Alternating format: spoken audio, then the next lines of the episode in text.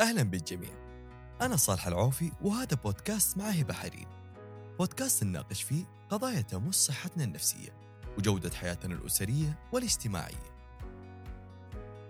في هذه الحلقة حتحاور مع الدكتورة عن التربية الاقتصادية. ما المقصود بهذه التربية؟ وهل فعلا هي مهمة كنواحي التربية الأخرى؟ خلونا نسمع رأي الدكتور أهلا فيك دكتور أهلا يا صالح. طيب اليوم موضوعنا تربية جيل اقتصادي تربية جيل اقتصادي أول شيء حيتبادر على ذهني أنا. حقول لك إيش؟ أعلم عيالي كيف يصرفوا الفلوس. أيوه. هل المعنى هذا حقيقي؟ تقريبا جزء منه. جزء منه. جزء منه أيوه. طيب. إذا أول سؤال حيتبادر على ذهني. أول شيء عرفي لي إيش هو تربية جيل اقتصادي أوكي. خلينا ناخذها شيء معنى شمولي أنا أحب كذا أروح على الكبير بعدين أجي أدخل على الصغير. يعني إحنا لما نقول التربية وليش؟ طبعا آه، طبعا أكيد. إحنا لما نقول تربية عادة يعني يخطر على بالنا إنه أكلوهم وشربوهم ودرسوهم وبعدين صار يمكن مؤخرا في الأجي في جيلنا يمكن الوالدية إنه كي تربية عاطفية و... واجتماعية ومن هذا الكلام. فالتربية مرة مفهوم واسع وهي تكمل بعضها. يعني تركيزا على جانب واهمالا الجانب الآخر حتى اللي أنت بتركز عليه حيتضرر. يعني إحنا شفنا كيف مثلا إنه الآباء والأمهات اللي يركزوا على التربية الجسدية ويغفلوا التربية العاطفية حتى حجم الدماغ يكون أصغر. فاهتموا بجسدهم بس برضو الجسم اتضرر. الدماغ صار أقل تفاعلا مع الجسد مثلا بس بسبب الإهمال التربية العاطفية التواجد العاطفي وغيره. آه لذلك اهتمامنا بكل الجوانب يكمل الطفل بشكل كبير ويعطي له تربية ناضجة.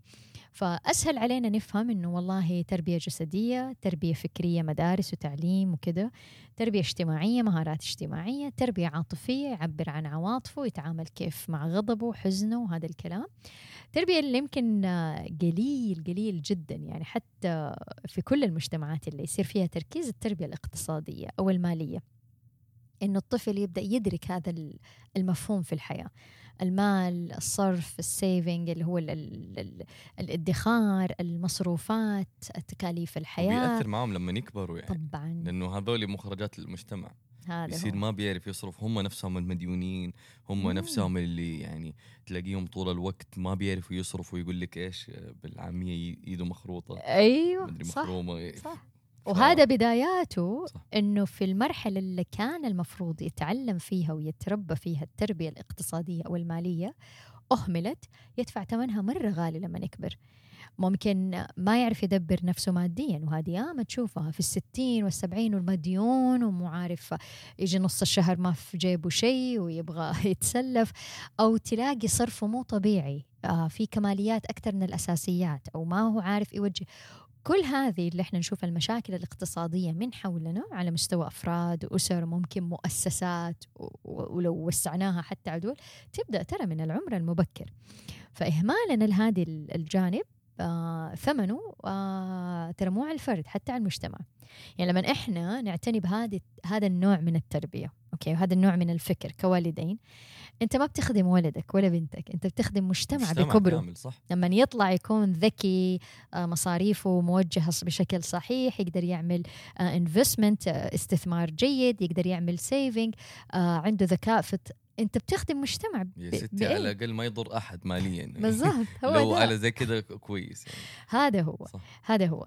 آه الحاجة الثانية كمان وليش نحكي عنها من عمر مبكر إنه زي اللغة ترى يا صالح نفس الشيء. يعني آه، لما تعلم أولادك اللغة من عمر صغير أسهل بكثير من إنك لما تعلمهم هي على كبر. وأسهل أي أحد يتعلم ال- أي لغة جديدة على كبر.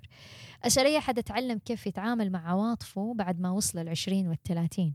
مو زي لما يكون واحد جات بطريقة مرة طبيعية من أوائل عمره في اعتناء عاطفي وكذا فكل ما بدأنا مبكر كل ما بدأنا يعني آه، أسهل ووفرنا على نفسنا أشياء كتير. صح صح أتفق معك طيب كيف أنا أبتدي أدرج لولدي ال يعني كيف أبتدي أدرج له موضوع إنه كيف يكون اقتصادي أو كيف يتصرف اقتصاديا بشكل ممتاز؟ أوكي. آه أو كمان أخ... هذا السؤال يقودنا يمكن لبداية الإجابة عليه إيش العمر؟ إيش العمر؟ أيوة صح بالضبط. من أي صح. عمر أنا أبدأ؟ صح. آه و- وكثير في دراسات مرة ممتعة قرأتها.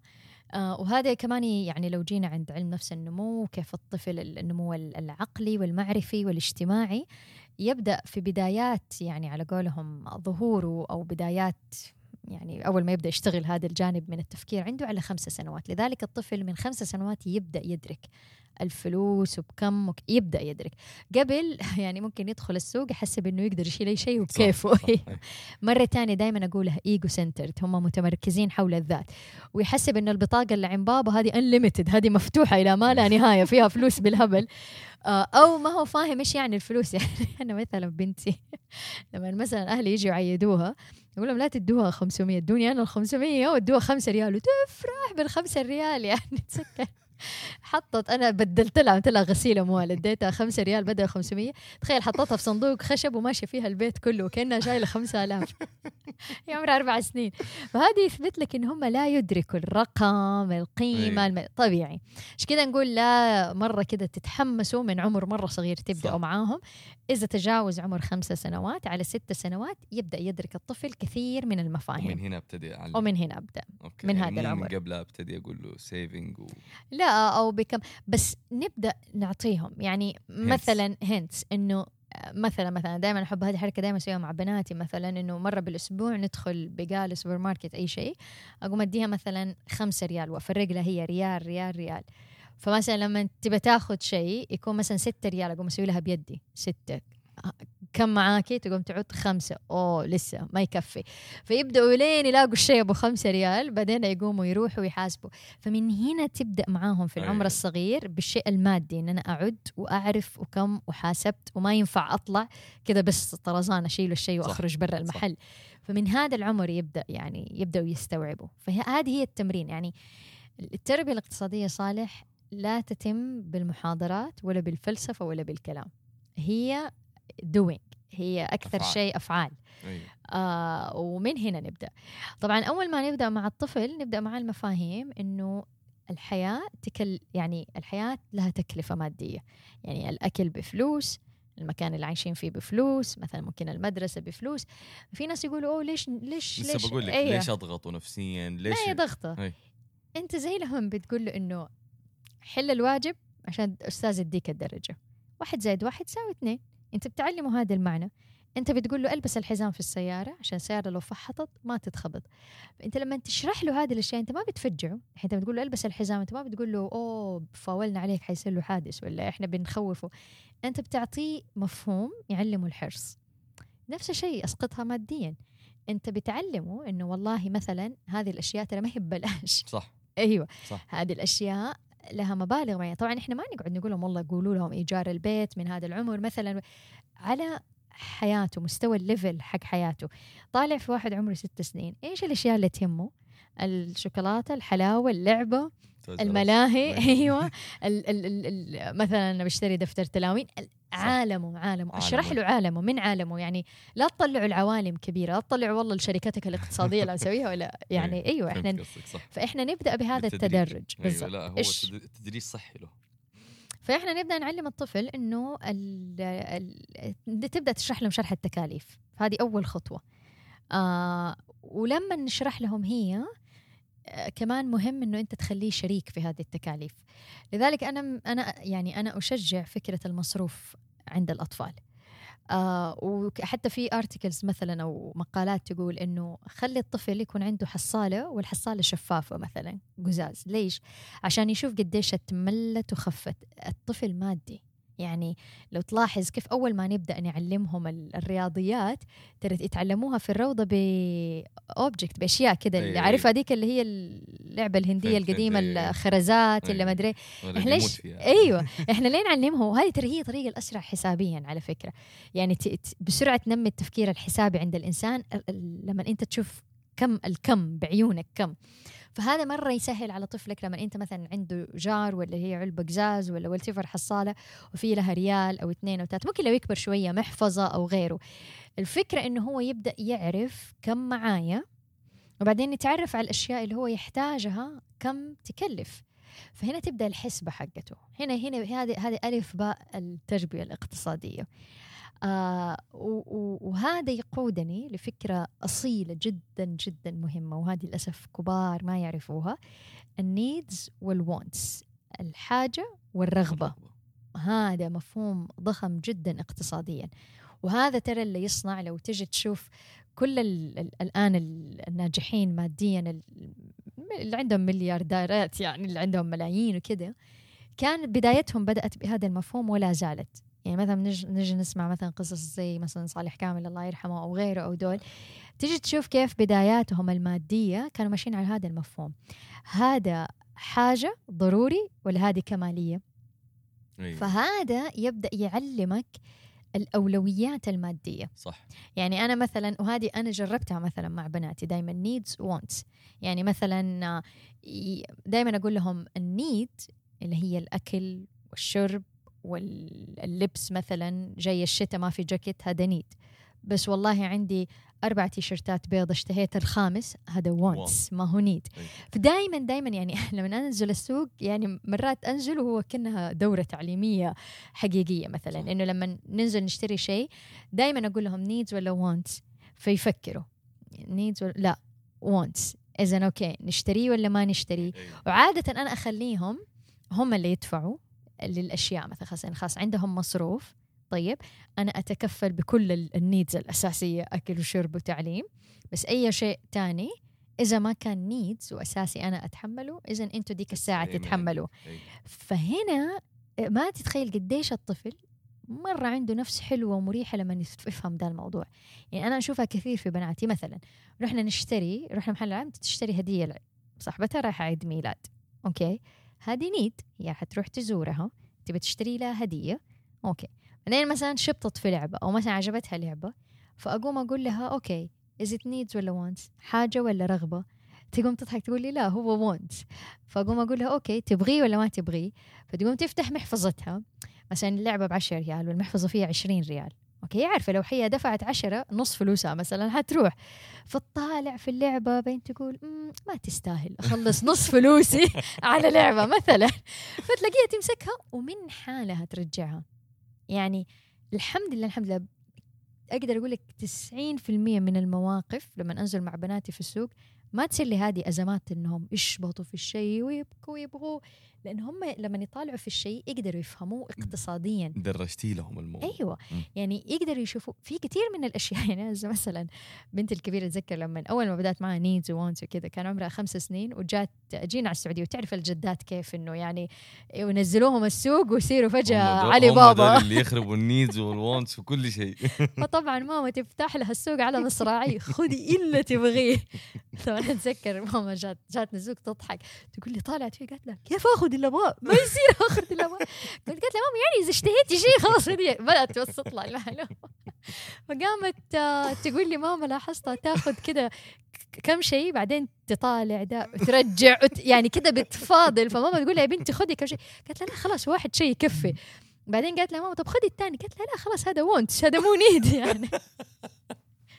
يعني شيء طبعا الجدات يحسوا والله عقدتوهم بس ما عقدناهم. أيوه فعلا. مريح. أنت لك كأب مريح. مو مريح اقتصاديا ترى. مريح عاطفيا واجتماعيا وحتى فكريا. لما تشعر انه طفلك ذكي في الاختيار لما تشعر انه هو يقدر يفهم يرتب أولوياته من عمر صغير وتدرب عليها and he is okay fine with it. مو أنت تشوفهم أكيد مروا عليك قدامهم يعني قدامك أكيد مروا عليه يعني كبير ولسه يشبط في شيء ويشتهي يعني في ناس تتدين عشان تلبس ساعة فعلا. رولكس ولا في ناس تتدين عشان تجيب مغنية في فرح بنتها في فعلا. أو يكون راتبه مثلا 6000 ويشتري حاجة ب 5000 عادي جدا. لأنه مو قادر عاطفيا يعمل بس يقول لك خلاص أهم شيء إنه أنا أشتريها هذه الحاجة وأنا أرتاح نفسيا. فالتنظيم مع احترامنا كامل لهم بس أنت كذا ما بتنظم نفسك اقتصاديا. صح. والشيء هذا بيأثر عليك مستقبلا. وانت لو تلاحظ انت عشان تنظم نفسك. ماديا انت لازم تنظم نفسك حتى عاطفيا طب هي كيف تفهم المفاهيم حقت الحياة إنه هذا حاجة ولا هذه رغبة صح. وإنه هذه الرغبة آه، قد إيش أنا رغبانة فيها يعني مثلا وهذا مرة يساعدك عشان كده دائما أنا أحس إنه إشراك أطفالنا بإنك أنت تديهم هذه المبالغ وينزلوا يشوفوا العالم حقهم اختياراتهم كم مبالغه آه لما يعملوا saving مثلا وهذه هذه هذه تقود لنا للنقطة الثانية needs و wants وال saving كيف؟ إنه والله أنا بدي أبدأ أعمل ادخار. يعني مثلا أنا مشتهي الشيء الفلاني هذا. آه مثلا أنا أتذكر مثلا بنتي كانت مشتهية ال- هذيك هي اللي زي اللوحة اللي يركبوا عليها بكفرات ناسيه إيش اسمها. ما سكوتر؟ ما كانت زي السكوتر أيوه. أي. أنا ممكن أشتري عشرة منها ليها. عندي القدرة المادية إن أنا أشتري لها هي. ما هي كده بس قلت لها okay is it needs ولا wants ف يعني أنا بالنسبة لي ال need ال bicycle عشانها تمرين وتوازن وما أدري اي والدي عادي نشتري لها. بس كمان عجلات وما أدري إيه، يعني أكثر من نوع من أنواع الترفيه. قالت لي لا هي wants أنا مشتهيتها. okay طيب تعالي نشوف. كم مثلا؟ فهم يبدأوا يدخلوا. فهنا ديك الساعة حتى يصير عندهم ذكاء. يعني مثلا قعدت غطست أسبوع تقرأ أنواعها وأسعارها وليش هذه ب 50 ودي ب 100 دولار وليه هذه ب 300 دولار هذه فيها إضاءات أنا بدي إضاءات لا ما أبغى إضاءات لا بعدين. ف لما يبدأوا يشوفوا ويقارنوا وبعدين تعرف والله أنا كم مصروفي الأسبوعي وكم أسبوع أحتاج عشان أحقق المبلغ واذا إت ورث تستاهل ولا لا، ما. يستاهل. انت بتخيل هذه العملية العقلية الفكرية العاطفية تنميهم. نميهم تكبرهم. يعني تهيئهم حتى بعد كده مستقبلا للحياة. فحتى لما وبعدين جمعت المبلغ واشترته. حفاظها على الشيء تعاملها معاه مع- يفرق تماما لما يجيهم فجأة أنا أبغى طيب بعد أسبوع جاهم. جاه خلاص أنت أصلا ما عاد حيحس بقيمة الشيء. هذا هو. ولا عاد حيحس إنه بيشبع. ما عمره. حيحس إنه بيشبع وهذا الشيء حيتطور معاه لين ما يكبر. وهذا اللي يصير فعلا. إحنا عندنا كثير ناس للأسف تشوفهم كبار ما يحسوا بقيمة الشيء. ما يحس بقيمة الشيء. بالضبط. لأنه آه ما تعودوا يستوعبوا قيمته. صح. ومو شرط ترى القيمة مادية. يعني مثلا في أشياء أنا مثلا بناتي يشتهوا بيشتروها. يبدأوا يفكروا فيها يلاقوا إنه ما حيقدروا يستخدموها كتير مثلا. أو لما يستخدموها لازم يكون مثلا في خمسة سبعة أشخاص معاهم. أو مثلا ممكن بدل ما يشتروها يقدروا يلاقوها في محل يروحوا مثلا يستأجروها مثلا مثلا نط طيطة اكتشفوا إنه okay إحنا ما كم حننط كل يوم؟ لا. خلاص في محل ترامبولين جنبنا 20 ريال نروح ننط مرة في الأسبوع لأنه إحنا مو مرة نحب النط صح. كثير فيبدأ هنا الطفل يبدأ يستوعب إنه okay مو بس عشان أبغاها لا يبدأ يفكر في أبعادها. قديش أبغاها؟ قديش أحتاجها؟ أنا ضروري ولا لا؟ ف... طب ما بيأثر هذا على تعاملهم؟ يعني خلينا نكون صريحين دكتورة لما أنت بنتكلم في مجتمع مثلا مو الكل يعني أغلب المجتمعات بلاش نلوم مجتمعنا أغلب المجتمعات مو الكل بيعلم عياله دي التربية. فلما بيجي مع أطفال تانيين بيلاقي إنه عنده هذا أغلب الحاجات. طب أنا ماما ليش ما آخذ زي ده؟ ولا بابا ليش ما آخذ زي هذا؟ أيوه. وتيجي تلاقي الضغط من العائلة الجميلة الثانية "أوه، أشتروا لهم بسيطة أنا أشتري له إياه فتحس إنه أنت أيوه. أيوه. حتخرب لي الدنيا. كيف أنت تعاملك ك آه، أب أو أم وكيف أنا أتعامل مع الطفل إنه مو كل شيء عندهم لازم يكون عندنا إيه شكرا هذه نقطة مرة مهمة إنك طرحتها. طبعا فعلا المجتمعات تأثر، يعني أنا من تجربتي الشخصية مثلا لما عشنا سنين في أمريكا مجتمع هناك ما هو مادي. يعني يعني هذه فكرة الماركات تماما ما هي موجودة في قاموسهم لا في لبسهم ولا في أدري. يعني حتى لما نتعامل مع الماركات ما يتعاملوا زي ما إحنا مجتمعاتنا العربية للأسف. إحنا للأسف هنا قيمتك وبرستيجك في الشنطة وفي الساعة وفي اللبس اللي أنت لابسه إيش ماركته للأسف ويغذوها عند الأطفال حتى يعني بي. يعني فهنا أنا حتى التفكير المادي مختلف أنا لاحظته من مجتمعنا على مجتمع برا فهذا طبعا يشكل تحدي عند الأهل يعني أنا كنت مثلا مرتاحة جدا في أمور كثير مثلا مادية لأنه المجتمع اللي حولك آه كأنه معاك في دي النغمة ال- المادية مثلا أو كذا وهذا ما كان مهم. طبعا لما تجي على مجتمع هذه الماديات مرة مفرطة عندهم. الأهالي أهالي الأطفال اللي حولك أصلا ما بيجيبوا لهم سيرة بكم ولا مو بكم ولا هم جايبين طبعاً. خبر ويجوا أولادك بهذا التفكير يشكل لك تحدي. نعم فهذا أول. أنا أعترف بهذا التحدي. آه هنا ديك الساعة أحتاج أنا أجندتي أرجع تاني لمفهوم الأجندة الوالدية. أنت إيش أجندتك؟ إيش التحديات اللي ممكن. آه تخبط في دي الأجندة. أنت كيف تتعامل مع هذه التحديات؟ يمكن أحتاج أكثف حوارات مع أولادي يمكن أحتاج مثلا أحكي معاهم أكثر. أوكي هم عندهم هذا الشيء بسرعة بيجيهم. إحنا ليه ما بيصل لنا بسرعة؟ ثمن مثلا إنه أنت أذكى مثلا أو أنت مثلا بتشوف الزاويه مختلفة مو أنت أحسن منه. ما هي المسألة كده. عشان كمان لا يبدأوا يشعروا بغرور خاصة- في خاصة دكتورة معلش على المقاطعة إنه إحنا مجتمعاتنا مجتمعات مجتمعية. أيوه. يعني عادي جدا مثلا اليوم واحد يسمعنا طفله عايش مع عيال عمه آه مع عيال خالته ولا زي كذا فهمتي؟ في نفس البيت. كيف أنا أقدر أحط القواعد دي في وجود انعدام؟ أو خلينا بلاش نقول انعدام عكس الأجندة اللي أنا حاطها لعيالي. أيوه. كيف أنا أقدر أحط أجندتي وأتصرف معاهم وأقدر أربيهم بحيث إنهم ما يحسوا إنهم إحنا بخيلين عليهم أو إحنا مهم. مضايقينهم أو إنه إحنا أنقص منهم جات موجة شراء سكوتر زي ما أنت قلتي في أيوة. العمارة كلها أو في الفيلا كلها أو في ال- الحي كله إلا أنا عيالي مثلا مهم. حابتدي معاهم ال needs وال wants أنا نفسي تديني كذا مثال على ذا الشيء كيف أتصرف معاهم هنا شوف هذيك الساعة أولا أنت تكثف حواراتك مع الأولاد أولادك بشكل مرة كبير تركز أكثر شيء على ال needs وال wants وإنك أنت إيش تبغى وهذا هذا كله. طيب الشيء الآخر وهذا يقودنا المفهوم تاني إنه إحنا من الضرورة كديناميك عائلي يعني العائلة كده مفهوم المتع والقيمة ما تكون مادية تكون غير مادية بقدر المستطاع. يعني مثلا أنا لو ما أتمشى إلا في مطعم وملاهي مطعم وملاهي. أنا إيش فهمت أولادي بهذه الرسالة؟ إنه عشان ننبسط لازم نروح محل وندفع. لكن لما أنا كعيلة يوم والله أجيب باصرة وألعب معاهم. يوم نروح بس على البحر نمشي. يوم نروح مطعم نتغدى. يوم نروح ناخذ بس سكريم وبليل على البحر ونقعد. يعني لما أنا أنوع في ترفيه أولادي وفي تلبية احتياجاتهم إنه مو كل شيء لازم بالمادة هنا ديك الساعة الأفق عندهم يصير أوسع. تمام؟ هذا واحد. اثنين لما يشوف أولاد عمه كلهم مثلا جايبين خلينا نقول كلهم عندهم آيباد وأنا ولدي ما عنده آيباد. مشترك مع أخواته مثلا. أي. هذه منهجيتي أنا في البيت. اذا ديك الساعة أقول لهم إنه كل عائلة لها ال rules حقتها المختلف أنا إيش ال ru- ال rules حقتي إيش قواعدي أنا في البيت؟ نرجع نتكلم فيها تاني. وأشرح له هي. أنا إيش وجهة نظري؟ أنا ليش ما أبغى أجيب لكم آي هيك أنا ممكن أجيب لك مثلا كل واحد فيكم iPad. بس في الأخير أصلا مو مسموح لك أنت إلا ساعة وأختك ساعة وهذه ساعة. فأنا أجيب ثلاثة iPad عشان الثلاثة نستخدمهم ثلاثة ساعات. بينما من الذكاء إني أنا أجيب واحد ويدور عليكم مثلا أو وغيره. فهنا نحكي أكثر معاهم بتفاصيل طبعا حسب إيش الشيء إيش الشيء اللي, اللي موجود.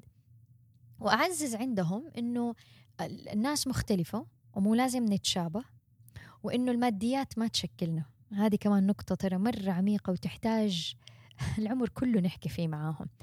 مو والله عشان صار فرحي في القاعة الفلانية يعني أوه أنا الرهيب الكول. ومو يعني فرحي صار في البيت أنا أحزن. صح. مين مين حط هذه القواعد؟ صح. مو والله أنا ما ألبس وما أشيل هذه ال- ال- ال- الماركة الفلانية أنا معناتي فقيرة وما عندي ومو معناتي. وهنا ديك الساعة ترى شوف كل ما كثفنا حوارات مو بس مادية من كل شيء. يعني أنا مثلا بنتي عمرها 11 سنة. يعني هي هي نفسها مثلا تقولي ماما مرة يحزن ويحسبوا لما يلبسوا هذا اللبس إنهم هم مهمين مثلا أو مثلا تحزن على ال- الناس اللي كل تصويرهم مثلا في سناب الساعة مع الخاتم مع الشنطة خاصة هذا العمر يبدأوا يستوعبوا إن هم. كيف they are highlighting يعني بيسووا كده فوكس على هذه صح. الأشياء أو لما يتكلموا أو مثلا هي تضحك تقول مثلا إنه يعني إنه هي تقول يعني يعني ليش أنا أعرف مثلا بالضبط فين راحت وإيش اشترت وكم صرفت يعني في عقلها إنه هذا شيء يعني بدي أحاول أختار الكلمة المناسبة إنه يعني من السخيف إنك أنت كل كل حكيك يصير مادي صح الطفل يستوعب ترى لما يبدا يشوف انسان مره بس مادي مادي مادي هو حيستسخف ترى هذه العقليه ومرة تانية بحاول برضه أجيبها في صياغة جيدة مو والله هم أسوأ أو إحنا أحسن هي ما هي كده مو والله أنا فهمان وهم ما يفهموا لكن يبدأ الطفل يفهم إنه الحياة أوسع من مجرد ماديات. طبعا يمكن التحدي يكون في أول عمر ستة سبعة ثمانية تسعة. هذه صعبة ترى لأنه لا زال آه يقارن كثير طبعا.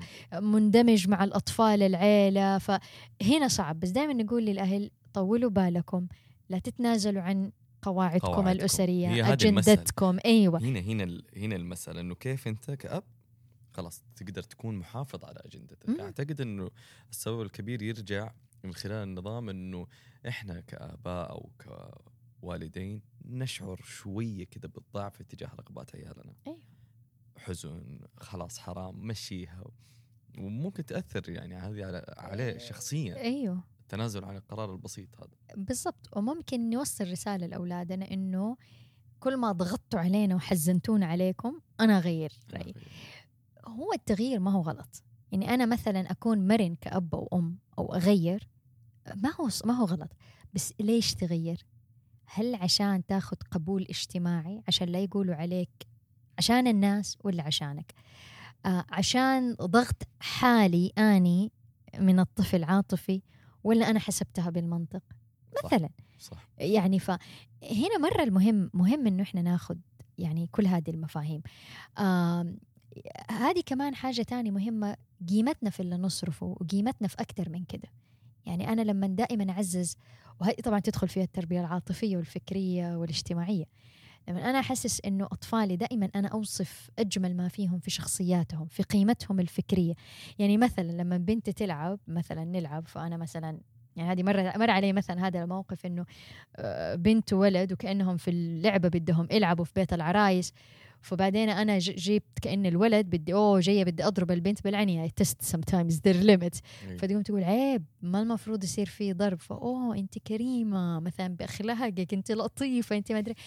هذه المواقف الصغيرة من هم صغار نحن لما آه، نسلط الضوء على قيمتهم كإنسان في تفكيرهم في نمط حياتهم في كده مو بس والله قيمتك في إنه شكلك حلو أو لبسك مرة مرتب. أو أنت ال- الولد الكول اللي تدخل العيلة وشايل آيباد ومدري إيش مدري الأشياء التانية هذه ال- ال- الألعاب أيوة، ومدري إيه. صح.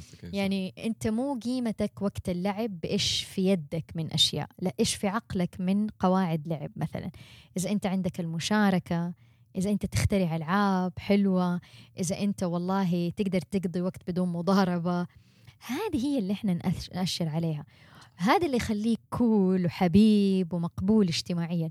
مو أنت اللي تجي وشايل في يدك ماديات عشان تلعبهم كيف تعزز قيمته وما. تخلي قيمته في المال. بالضبط. وهذا يبدأ يكبر ويبدأ يستوعب الحياة وإيش الأشياء اللي ممكن تحط فيها. يعني مثلا أبسط شيء صالح يعني أنا لما يعني يعني أتذكر زمان قبل مثلا 12 سنة أو أكثر مرة كنا عاملين برنامج للأطفال. فالبرنامج كان يعلمهم الذكاء العاطفي وكذا فكان البرنامج اتذكر ديك الأيام ب 500 ريال شهر كامل. طبعا الحين الأسعار ضربت في ذا الموضوع. في أهل يجوا يفاصلونا. 500 كثير مدري بس أنا أشوف الولد لابس جزمة وأنت بكرامة قيمتها 400 ريال مثلا ولا 500 مم. ريال.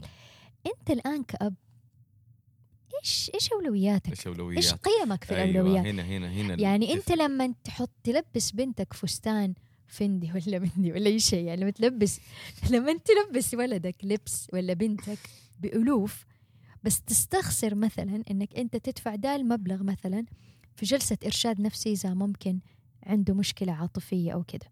يعني طب هذه الجلسة ما حتحصل على مردود مادي يعمل لك استعراض قدام الناس بالماركة. هذه الجلسة مثلا بقيمة لبسه بس هذه بقائها أطول حيكون مردودة على المستوى العاطفي حيساعده مستقبلا في عواطفه في كده فإحنا حتى نشوفها مرات يعني يعني على مستوى الخدمات يعني مثلا زي كده النفسية أو الاجتماعية أو التعليمية. أنا لما أستخسر أدفع في دي الأشياء اللي بقائها معايا العمر كله لكن ما أستخسر إني أضرب إبرة فيلر ب 1500 تجلس معايا شهر في وجهي وتروح. صح. هنا ديك الساعة في سؤال مرة كبير نسأل نفسنا فيه. إيش أولوياتك؟ أولوياتي وأولوياتي تعكس قيمة ذاتي.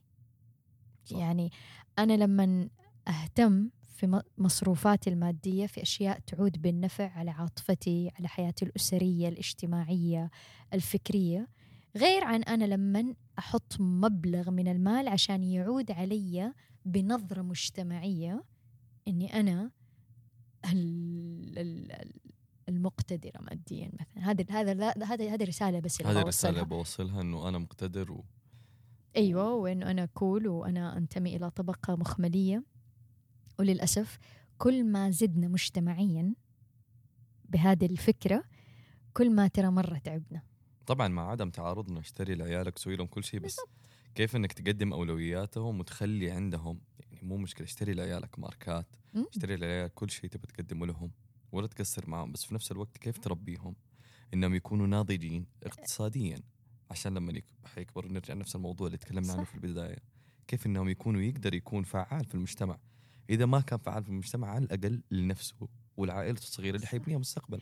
وهذا ذكرني تصدق دوب بالحلقة اللي حكينا عنها قصتنا مع الألم. صح. إنه في ناس كيف ممكن توجه حقيقة مؤلمة عن نفسها مثلا مثلا مش واثقة من نفسها ما عندها قدرة اجتماعية إنها هي تكون فعالة اجتماعيا أو ما هي حاسة نفسها محبوبة أو أو أو غيره وهذه حقيقة مؤلمة.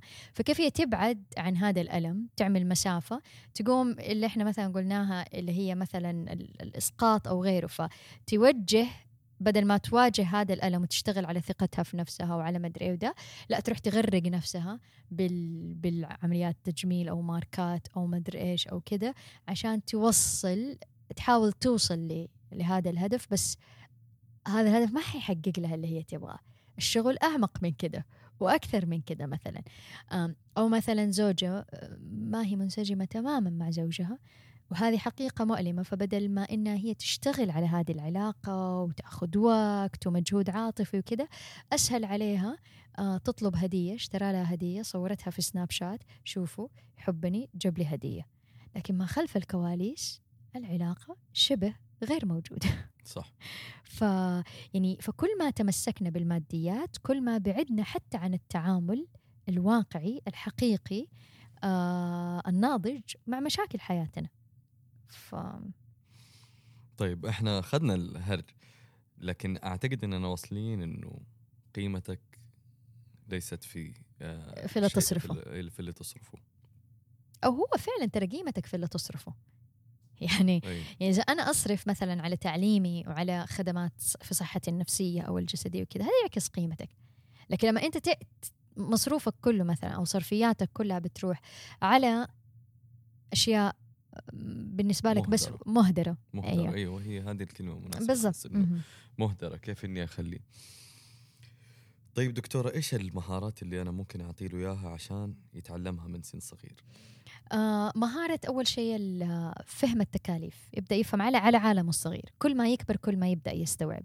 وهذه هذه تقودنا لنقطة مرة مهمة إنه كل ما يكبر طفلك كل ما تدرج معاه في الوضوح عن وضع العائلة المادي. وهذه ترى كثير ناس ما يحبوها يعني. في متزوجين سنين متزوجة ما تعرف راتب زوجها. أيوه أيوه. أيوه. بالعكس إحنا عشان أقول لك كمان حق الرجال نحرش بعض كمان. كمان؟ أيوه لا. كتر خيركم. لا وفي عندنا كمان أبطال ما شاء الله من الرجال. يديك نصيحة معلومة وليست رأي. أيوه. يقول لك كذا إنه ترى لازم ما تقول لها عن راتبك. على أساس إنك أنت لو قلت لها يعني حتستنزفك. حتأكلك. شايف؟ بدري انت اصحك مرتك تدري عن راتبك هذه شايف التعامل الغير يعني أيوه يقول لك المعلومة أيوه يعني إنه اسمع مني وأنت ليش؟ مغمض. لأنك أنت مفترض إنه هي شخص بس يشفط. صح, صح. بالضبط.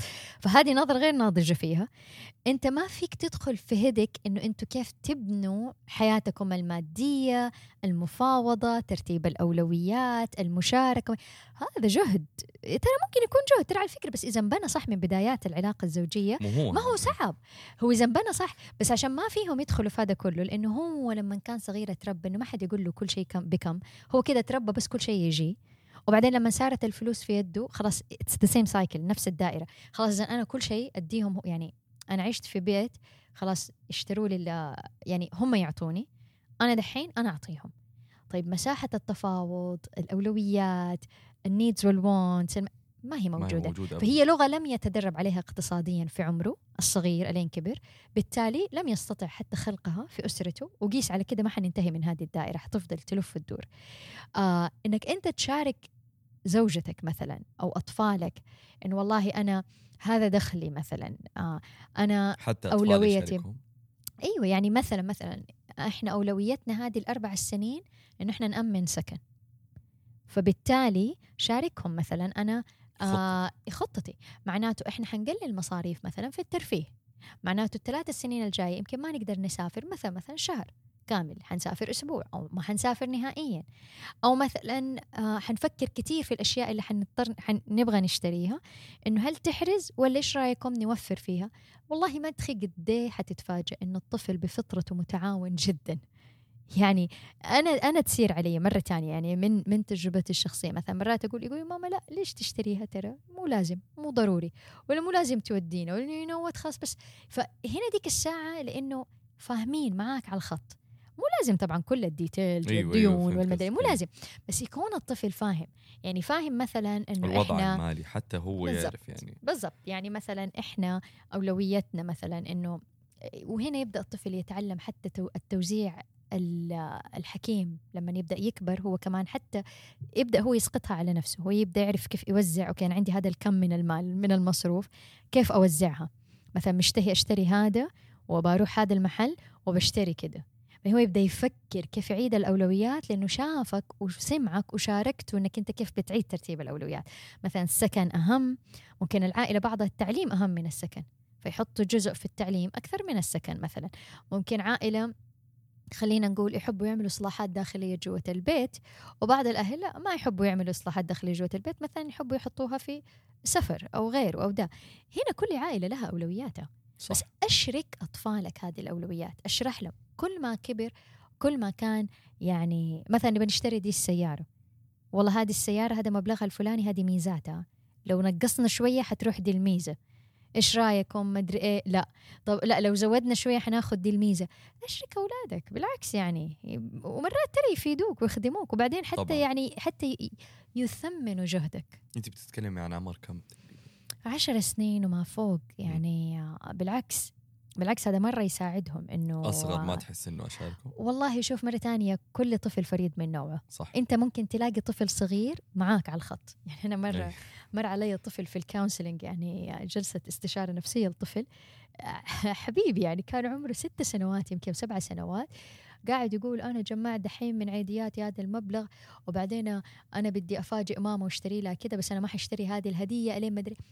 الطفل لما وست سنين وقاعد ما شاء الله عنده خطة مالية في توزيع عيدياته وبيتكلم بطريقة حسيته كأنه عشر سنين الطفل وممتاز يعني هذا هذا جميل هذا جميل إنك أنت تعرضه لهذه المفاهيم من عمر صغير ابنيها. معاه لا.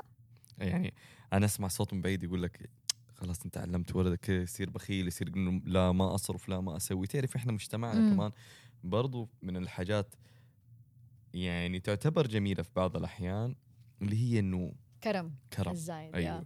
فالكرم أحيانا ممكن يعرض الطفل لأسلوب أو أسلوب صرف ممكن إنه هو ما يعلمه كيف يصير اقتصادي بالمعنى الحقيقي أيوة. وليس إنه يتخلى عن كرمه ويتخلى عن هويته اللي هي متصف فيها عن الكرم. والحاجات هذه كيف أقدر أوه. أفصل الحاجات هذه وهذه شوف هذه مرة نقطة مهمة شكرا إنك أنت ذكرتها لأنه لما أنا أشارك أطفالي مثلا آه، وضعنا المادي وكذا أنا ما أشاركه والله من باب إنه أنت مسؤول معايا. لا أنا المسؤولة. أنا كأم ولا كأب أنا المسؤول. فاللغة والكيفية والكمية في المعلومات لازم نكون حريصين عشان الطفل لا مسكين يحس إنه أوه طب أنا كيف أساعدهم؟ طب يحزن بابا عليه. مصاريف أنا كيف من... لا لا لا إحنا ما ما ما نذكرها بهذا ال... بهذا اللحن. ولكن من باب المشاركة أنا كده بفكر هذه خطتي المادية مثلا. وطبعا مو كل حاجة ممكن تتشارك يعني على حسب شخصية الطفل حسب عمره. آه الشيء الآخر كمان نقطة ذكرتها اللي هي الكرم الكرم أو كيف. آه أيوه بالضبط. هنا ديك الساعة طبعا لأنك أنت ما راح تربي بس اقتصاديا أنت حتربي أخلاقيا اجتماعيا عاطفيا. في ترى كلها خلطة مع بعض تجي. فمرات مثلا من الجميل وهذه هذه هذه أشياء مثلا أنا يعني بناتي لاحظوها لما يعني مثلا لما نكون مع أصحابنا الأمريكان مثلا بنت بنتعشى مثلا في مطعم فكيف كل واحد يحاسب لما أي. لما نجي نتعامل كل مين مثلا يبي يحاسب على. الثاني فحلو إنه مرات يشوفوا هذه الأشياء فروقات. كلها اي الفروقات مثلا في المجتمعات أو مثلا إنه لما تكون مع مثلا يبدأ الطفل يستوعب مثلا والله لما نكون مع جده جده ما يسمح لاحد يحاسب هو بس يحاسب فإحنا أي. نثمن مثلا الكرم اللي عنده.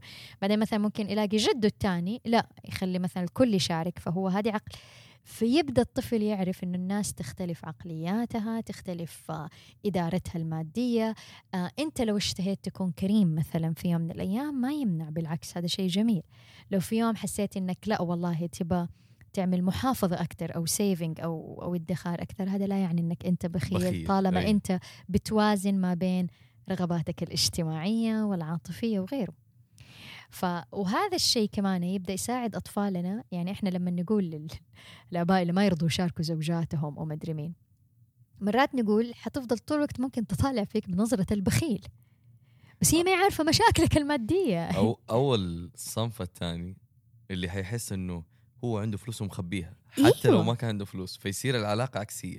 هو مخبي عشان ما تخليه تصرف وهو وهي ما شاء الله شغالة إنه هو عنده خليني أسحب اللي عنده كله. وهو مسكين يحزن يقول يعني هو يكون يا الله على الحديده وهي فالعلاقة أصلا كل المشكلة اللي ما بينهم إنه ما في بينهم صراحة عن المساله الماديه هي ده. فهي ممكن تن- تنظر لك أنت بخيل وأنت ما أنت بخيل. أنت هذه إمكانيتك. فتشاركها هذه الإمكانية من البداية وتكون واضح معاها. وهذه والله الآن الإمكانية. ترى بالعكس حتكون أكثر تقدير حتكون أكثر حرص. آه يمكن تساعدك أكثر يمكن حتى تخف طلباتها. فالنضج ترى ما نتولد فيه صالح. هذه نشكلها من خبرات الحياة. صدق. فهذه خبرة الآن جانب مادي في حياتك. أشركها في هذه الخبرة. آه، أسمع رأيها. ترى على فكرة هنا حتى يعني حتى بناء على الإحصاءات إحنا في السعودية السيدات أذكى ماديا وأكثر في الاستثمار من الرجال. فهذا المفهوم المغلوط إن هم يصرفوا ما ترى مو صح. هذول يعني شلة من السيدات اللي حرام ما حد بيشاركهم فردة فعل منهم بس يبغوا يصرفوا. بس في الحقيقة هم لا. يعني هم يكونوا يعني آه يعني أكثر حرص بالعكس يمكن حتى عندها أكثر ذكاء. يعني مشاريع كثير من المشاريع الناجحة سيدات اللي وراها. والله ونعم أنا ملاحظ إنك متحيزة السيدات والله عاد لازم لا والله والله والنعم فيكم بالعكس. يعني أنا أنا دائما أحس بالفخر جدا جدا لما ألاقي سيدة ناجحة لأنه يعني يمكن يأخذنا سياق الموضوع لشيء ثاني كذا. بس لأنه فعلا الظروف ما كانت تخدم كثير السيدات. فلما تلاقي سيدة. ناجحة في مجتمع زي كذا تحسي بالفخر الشديد. يا. وانت واحدة منهم والله يوفقك يا رب. طيب بافتراض دحين إحنا أخذنا السيناريوهات. بافتراض إنه تعرضت عائلة يعني لخسارة مالية. هل تحس إنه أنا يعني مثلا ليش نروح بعيد؟ كوفيد 19 أثر على الناس بشكل كبير. يمكن عندنا من القصص الشيء الكثير.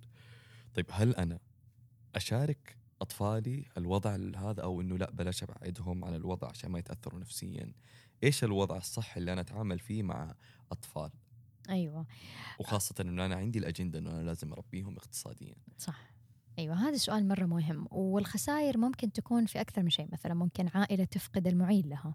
يعني مثلا أيوة صح. بانفصال طلاق أو انفصال طلاق آم، وفاة. وفاة أو غيره أو أو خسارة في العمل زي ما قلت مثلا إنه يضطر يطلع من وظيفته أو يخسر أو غيره. هذه احتمالات واردة. آه لو حدثت مرة تانية على حسب عمر الطفل. طبعا كل ما كان يعني هل نشاركهم؟ أيوة نعم نشاركهم. إيش القدر؟ هنا يختلف طبعا. أيوة. حسب العمر.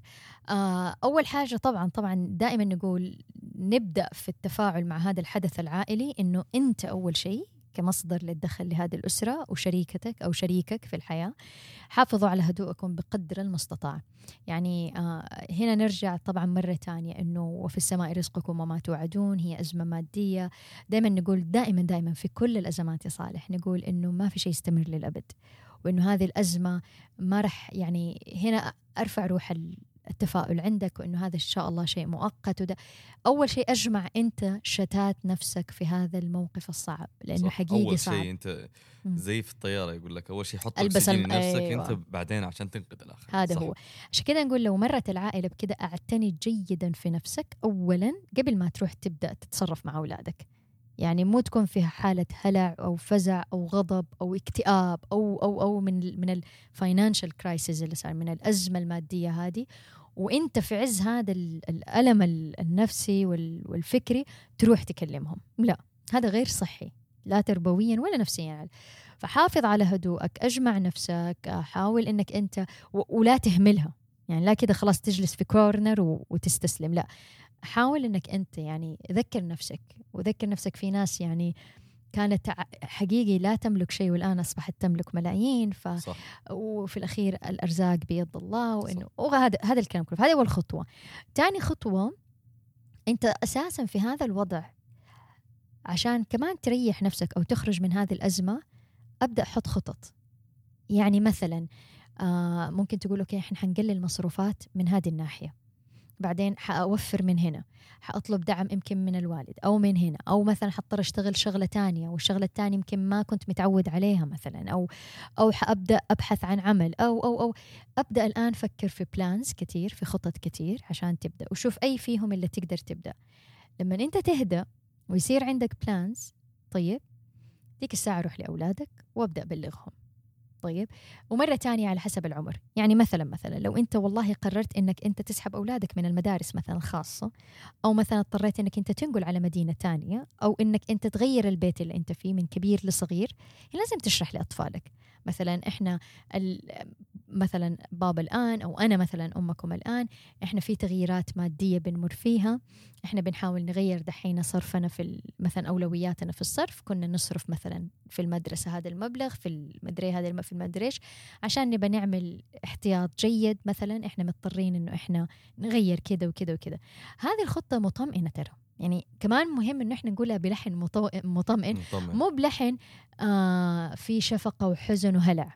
ترى مرة نبرة الوجه نبرة الصوت وملامح الوجه تفرق. تفرق أيوه تفرق طبعًا. كثير يعني أنا لما أقول والله إحنا هذه الثلاثة الأربع شهور ما حنقدر مثلا نطلع كثير نتمشى. إحنا مضطرين إنه إحنا نحاسب في هذه الأشياء وكذا ونبغاكم تساعدونا مثلا. أعرف إنه يمكن والله حنشتهي نروح ذا المكان زي ما كنا متعودين أو أو هذا البيت الواسع اللي إحنا فيه فنعترف إنه نعم هذا الشيء إحنا متعودين عليه لكن إحنا الآن حنعمل شوية انتقال في العائلة. ونحاول نبسطها بقدر المستطاع طبعا حسب عمر الطفل. طبعا كل ما كان أكبر 12 13 وفوق كل ما كان يعني برضو أكثر هنا كمان نقطة مرة مهمة نذكر أطفالنا بالموجود. وهذا يعني آه، يعينهم كثير في هذه الفترة. إنه صح يمكن بابا كان دخله أوسع فكنا نتمشى أكثر أو كده لكن رغم كل هذه التغييرات إحنا صحتنا موجودة. إحنا موجودين مع بعض ما خسرنا بعض. إحنا لا يعني الضحك ببلاش ما يحتاج نشتري عشان نجيبه صح. تتنفس ببلاش أشياء كثير تبدأ تشوف إنه قد إيه أنت محاط بنعم كبيرة وضخ وضخمة لا تعد ولا تحصى ما تتطلب إنك أنت تدفع صح. فيها صح. وجود الأخ ما تطلب إنك أنت دفعت فيه فلوس وجود العين الإذن القدرة على القراءة على المد كل هذه نعم كثير موجودة هنا ديك الساعة أنت تشعر إنك أنت غني بنعم ربي عليك كلها. فالغنى ما هو بكم هو إيش الموجود والكيف امتناني تجاهه. وهذا وهذا طبعا دائما أقول للأهل اشتغلوا عليه دائما مو بس لما تيجي الأزمة المادية. صح. يعني دائما دائما نحس إنه قديش إحنا سعيدين بأشياء بسيطة. ان إحنا مع بعض إيه، إنه إحنا آه، في أمان مثلا إنه إحنا في صحة إنه إنه إنه هذه الأشياء تشعرهم بالنعم اللي موجودة عندك. بالضبط. وغير كده دائما نحكي لهم قصص الناجحين. يعني أنا مثلا واحدة من القصص اللي كثير مثلا أثرت فيا آه قصة آه كان وزير للصحة ما يحضرني اسمه الأول لقبه آه شبكشي أظن. آه, آه يعني ها مرة سمعت اللي كان سفير في ألمانيا سفير في ألمانيا. تعرف أول ما راح ألمانيا آه راح أبوه الدين أظن 300 ريال بس عشان يسفر ويدرس هناك. وما كان عنده ولا شيء عشان يدرس أو غيره واشتغل في مصنع بسكوت وما عنده قيمة وجبة أكله. فمصنع البسكوت كان عندهم قانون هم كانوا يغلف البسكوت. فكان البسكوت اللي يطيح في الأرض خلاص ما يغلفوه. فكانوا أصحابه عارفين إنه هو ما عنده قيمة وجبات يومه فكانوا بالعنية يطيحوا البسكوت في الأرض عشان هو يلمها آخر اليوم ويأكلها. أنت متخيل؟ هذا الشخص اللي كان يجمع البسكوت من الأرض عشان يأكل صار سفير دولة في ألمانيا. في ألمانيا سبحان الله. وصار وزير صحة صح في بلده. بلد. أنت لما تشوف هذه القصص العظيمة لناس ناجحين حكيها لأولادكم. يعني يعني دائما أقول خلاص إحنا طفحنا من قصص سندريلا ومدري مين نحكي لبناتنا هذه القصص نحكي لأولادنا هذه القصص. وهدول ناس عايشين معانا في وسطنا في مجتمعنا. مروا قعدوا على نفس مقاعد الدراسة اللي إحنا قعدنا فيها مروا بنفس النظام التعليمي اللي إحنا بنمر فيه. ولعلهم مروا بتحديات اقتصادية أصعب من اللي إحنا فيها وشوف فين وصلوا بطموحهم. وعد وأغلط من القصص المليئة حولك من ناس ناجحين ما اتولدوا النجاح مو يعني في, في بين أيديهم صنعوه من الصفر. فهذه القصص توري أولادنا أنه الحياة أوسع مما نتخيل.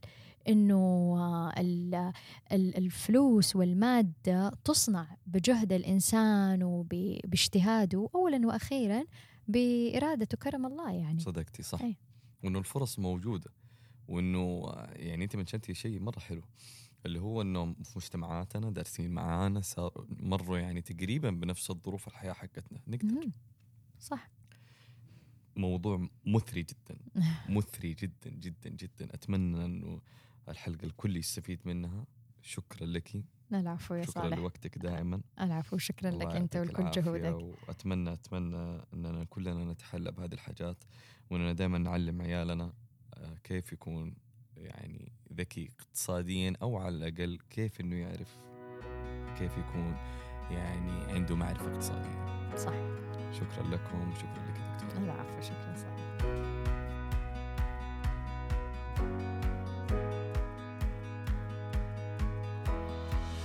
شكرا للجميع.